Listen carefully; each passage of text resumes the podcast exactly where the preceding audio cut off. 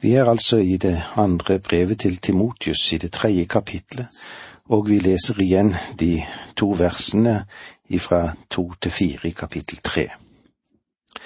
For da vil menneskene være egoistiske, glade i penger, fare med skryt, være overmodig, snakke stygt om andre, være ulydige mot foreldre, utakknemlige, uten respekt for det hellige ukjærlige og uforsonlige, fare med sladder, mangle selvbeherskelse, være rå, likegyldig for det gode, svikefulle, oppfarende, innbilske. De elsker lystne høyere enn Gud. Her har vi altså 19 ord eller begreper som er beskrevet for oss hvordan det vil være i de siste dager. Det første er egoistiske. Egoistiske mennesker som setter seg selv i sentrum. Dette er på mange måter en kulturell belastning i vår tid. En norsk journalist skrev en, en petit i en av våre større aviser for en tid siden. Mitt inntrykk er at det eneste våre politikere ønsker er å bli klødd på ryggen. Det var altså en kritisk kommentar til hvilken målsetning politikeren hadde for å bli intervjuet av pressen. Det var i første rekke ikke saken i seg selv, men deres plass i saken. Deres betydning for saken som var det alt overskyggende. Og eh, det føler kanskje en av personfokuseringene som vi må ta med oss, og den er kanskje ikke bare i politikken men kanskje først og fremst ser vi hvordan det er i mediene. Men du kan òg finne dette både i kirker og bedehus. Paulus fortsetter med å si i kapittel fire vers tre at menigheter som vil ha lærere som forteller dem noe som klør dem i øret. Disse lærerne vil klø andre, og de ønsker selv å bli klødd. Det vil si de ønsker stadig komplimenter men mange er av den oppfatning at skal en motta kompliment, så må en også gi dem hele tiden. Så derfor stryker disse lærerne alle med hårene. Og så snart budskapet er amputert, hva er det da? Det er interessant at kjærlighet til en selv karakteriserer vårt samfunn. Kanskje det aldri har vært en tid det har vært så gjennomført i samfunnet som nå, egoistiske. Den andre tingen som vi skal stoppe litt opp for, og som sto i dette verset vi leste sammen, glade i penger. Dette følger egenkjærligheten fordi penger er et virkemiddel for å pleie seg selv. Den gamle natur liker å ha mye å sløse på seg selv. Husk at Paulus sa i første Timotius 6.10 for kjærlighet til penger er en rot til alt ondt.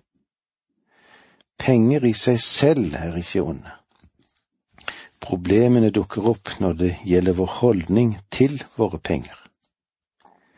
Pengekjærhet viser seg ikke bare i det å samle rikdom, men også i hvordan man forvalter og bruker pengene. Det tredje, skrytere. Det betyr ikke å framstille sannheten slik som den er. Skrytere vil helst posisjonere seg mer fordelaktig i lytternes, seernes og medmenneskets øyne enn de egentlig har krav på.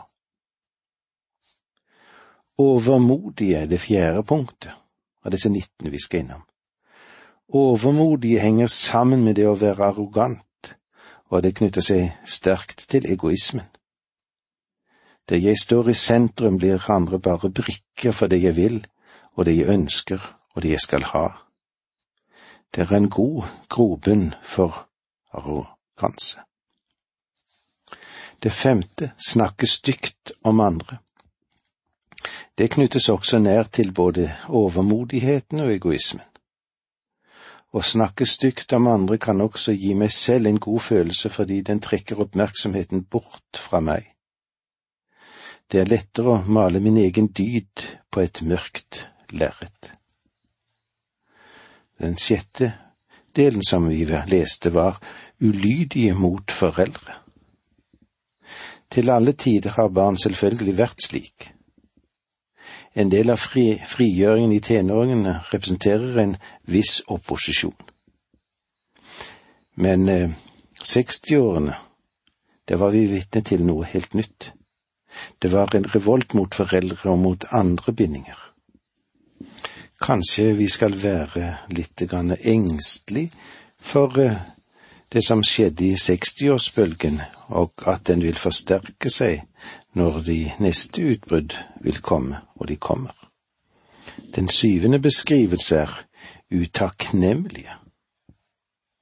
Mange mennesker tar imot vennligheter og oppmerksomheter uten engang å tenke på å takke for den, eller vise noen form for takknemlighet.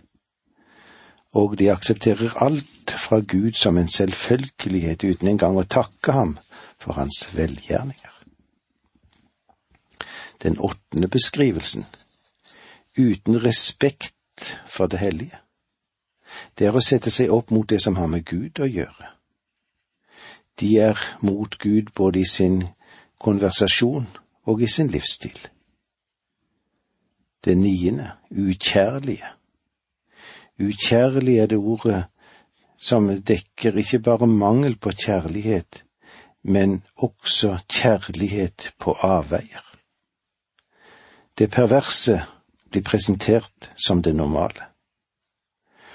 Men Gud sier i Romerbrevet 1.24 Derfor ga Gud dem urenheten i vold, så de i sitt hjertes begjær skulle vanære kroppen sin. Menneskeheten synker til sitt laveste når den aksepterer den perverse kjærlighet. Uforsonlig er den tiende beskrivelsen. Uforsonlig er mennesker som det er umulig å gå i spann med. De er i sentrum i universet og er uforsonlige i sin ferd og i sitt forhold til andre mennesker. Det ellevte begrep, fare med sladder.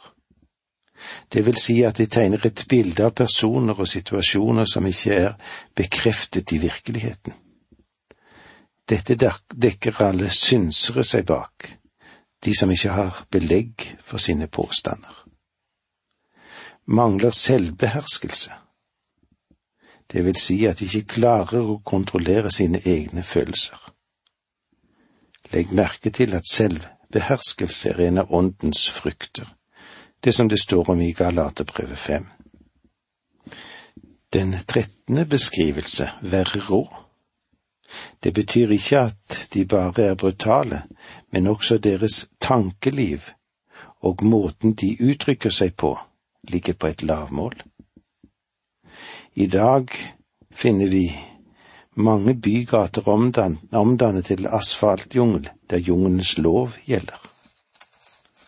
Er det slik vi ønsker å ha det? Likegyldige for det gode. Det kan kanskje like så riktig oversettes med at de hater det gode.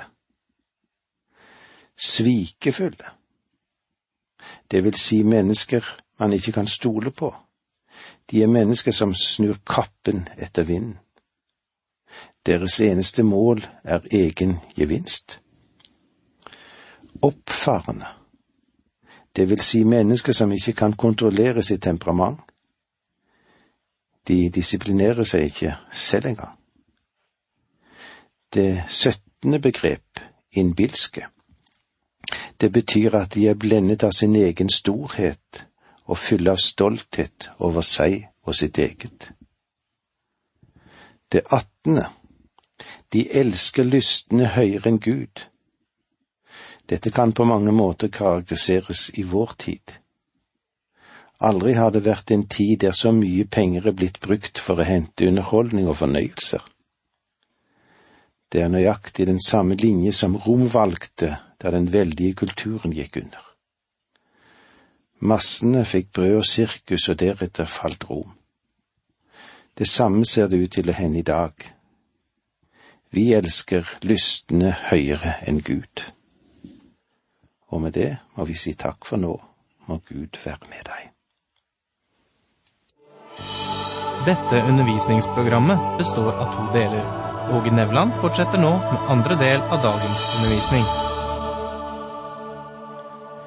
Vi er i Antimotius brev i det tredje kapitlet, og vi har sett litt på hva som vil skje i de siste tider, hvordan våre holdninger blir til de forskjellige ting, og hvordan våre medmennesker vil oppføre seg. Og her var det da 19 begreper som vi skulle stanset opp for. Hvordan det likegyldige, det svikefulle, det oppfarende, innbilske, de elsker lystne høyere enn Gud, var blant annet de ting vi tok opp. Og nå vil vi se litt på i det ytre av de Guds frykt. Eller la oss lese det som står i vers fem i det tredje kapittelet i annet Timotius brev. I det ytre har de Guds frykt, men de fornekter dens kraft. Vend deg bort fra slike folk. I det ytre har de Guds frykt. Det betyr ikke at de eier religionsliv, at de ikke har dens virkelighet og kraft. Religion, hva er den? Jo, den er bare en staffasje. Det som skal skjule et indre forhold og en indre tomhet. Vend deg bort fra slike folk. Det betyr at de troende skal sky den, flykte bort. Det betyr egentlig at Timotius skal holde seg borte fra menn og borte fra kvinner, som en vel kan tale religiøst, men ikke vil ha noe med troens innhold og sannhet å gjøre. Mennesker som ikke tar Guds ord på alvor, skal du holde deg langt bort ifra. Det er ikke formen som frelser, men innholdet. I versene seks og syv leser vi slik. Til dem hører også de som sniker seg inn i hjemmene og får makten over kvinner, som er nedlesset i synder og lar seg drive av all slags begjær, som stadig vil lære, men aldri lærer sannheten å kjenne. Kvinner som er nedlesset i synder, betyr tåpelige kvinner av begge kjønner. Det er mennesker som aldri er blitt modne deres liv er ikke forandret. Om du befinner deg i den kategorien i dag, så fall ned på dine knær og be Gud om å tilgi deg. Be Gud om å rense deg. Be Gud om å styrke deg til alt godt. I vers åtte Som Jannes og Jambres satte seg opp imot Moses, sette disse mennene seg opp mot imot sannheten. De har fått sin dømmekraft ødelagt, og verken de eller deres tro holder mål. Jannes og Jambres var navnene på to magikere som ble kalt inn av farao da Moses begynte med sine undergjerninger og førte plagene over Egypt. Over Egypt. Vi ville aldri ha kjent navnene på disse trollmenn om ikke Paulus hadde gitt oss dem. Selvfølgelig kan dere åpne for en mengde spekulasjoner om hvor Paulus fikk disse navnene fra. Det nærmeste er å tenke seg det er jødiske kilder vi ikke vet noe om i dag. Jeg tror ikke at disse spesielle navnene sier mye mer enn det vi vet fra Skriften. Men det de gjør, det er iallfall at de avslører at Paulus kjente navnene deres, og at disse trollmennene var virkelig mennesker som trosset Moses. Du kan lese om disse i det syvende kapitlet i annen Mosebok.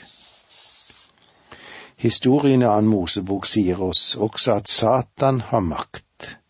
Han har en overnaturlig makt og eh, her får vi òg se at han er en stor skuespiller. Han imiterer det Gud også kan gjøre. Jannes og Jamres kunne utføre mirakler i Satans navn. Moses gjorde undergjerninger i Guds navn. og jeg tror at det er grunnen til at det henvises til dem her. Vi må være klar over at også i våre dager kan Satan imitere Guds makt. Johannes han advarer oss mot dette, og det kan vi se i første Johannes brev 4.1. Mine kjære, tro ikke enhver ånd. Prøv åndene om de er av Gud, for det er gått mange falske profeter ut i verden. Satan kan kopiere Guds kraft. I vår tid er jeg redd for at det i mange tilfeller blir enhver ekstraordinær fordelelse tolket som om det kommer fra Gud, når det egentlig kommer fra Satan. Disse menn setter seg opp imot sannheten. De har fått sin dømmekraft ødelagt. Paulus sier her at menn i hans samtid har på samme måte som Jannes og Jamres har, korrupt, har et korrupt sinn og et forkvaklet, en forkvaklet forståelse. Dette sinn styrer deres gjerninger. Deres tro holder ikke mål. Det betyr at de har vraket den sanne tro. De har ofret den til fordel for sin egen interesse og tjener nå ondskapens krefter og ikke Gud. De har vraket troen. I vers 9 i kapittel 3. Men nå skal de ikke ha mer fremgang, for det skal bli klart for alle hvor vettløse de er, slik det også gikk med Jannes og Jambres. Du kan klusse med spiritisme og åndskrefter om du vil men eh, det du leker med representerer en overhengende fare. Mye av den sataniske makt er også i sving i vårt samfunn. Det ser ut til å være en konsekvens av et krast, hardt, materialistisk samfunn som har fornektet alt det overnaturlige, og nå plutselig ser at det materialistiske ikke kan tilfredsstille, og i panikk så søker de hva som helst som smaker av det overnaturlige, uten å undersøke og granske kildene. Det er den vestlige kultursituasjonen i dag. Vi vil òg se litt på Skriftens autoritet i de siste dager. I vers ti leser vi slik. Du har fulgt meg i lære og liv, i holdning, tro, tålmod, kjærlighet, utholdenhet. Timotius kjente Paulus. Kjente han godt. Han kjente han ut og inn, ser det ut for, at det var et godt forhold mellom disse to. Paulus sitt liv var som en åpen bok, slik enhver kristens liv burde være.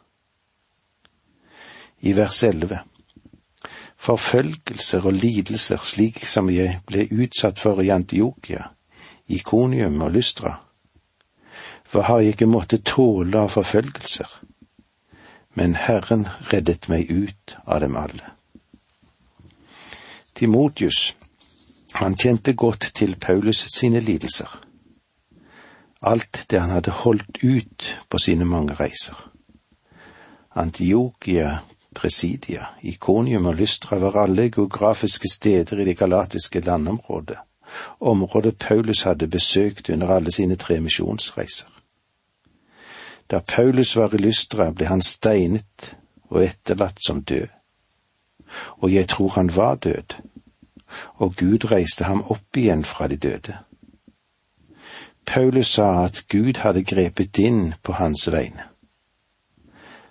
Herren har reddet meg ut av dem alle. Timotius kjente til alt dette fordi han og hans familie kom fra dette området. Herren har fridd meg ut av dem alle sammen, sto det også en liten del i dette verset. Jeg er sikker på at du husker mange tunge stunder i dette lidelsesfulle liv som du har hatt. Snart var det sykdom som banket på din dør. Smertene de var nesten uutholdelige. Men på en underlig måte ble du reist opp, og du forsto at Gud, han hørte din bønn. Herren fridde meg ut av dem alle sammen. En gang var det fattigdommen som kanskje gjestet deg. Du så ikke noen utvei. Det ene etter det andre la seg i veien. Alt det du holdt på med ble mislykket. Og da ropte du til Gud, og han svarte på en underlig og herlig måte, kanskje noe du aldri hadde drømt om. Slik har sikkert både du og jeg mange gode opplevelser. Noen store, andre mindre. Men alle er store når Gud er med dem. Det er livets rikdom å få oppleve Gud. Mange av oss må kanskje si med skam at vi kunne ha vært rikere her på dette området. Herren fridde meg ut av dem alle sammen. Det hendte så altfor ofte at vi forsøkte å klare vanskelighetene sjøl. Derfor ble resultatet slik at skam, den seig over oss, og ikke bare over oss, men kanskje òg over det arbeidet vi stelte med Guds rike. Men alltid når vi gikk til Gud med vår sak, når vi fikk legge det ned for Hans fot, da ble kanskje den tåredalen vi var inne i, forandret til en kildevang. Da smilte vi kanskje gjennom tårer og takket for trengselen. Herren har fridd meg ut av dem alle sammen. Så skal vi være frimodige da og fortelle dette videre til nye mennesker, at Han har fridd oss ut. Og med disse ordene sier vi takk for nå, må Gud være med deg.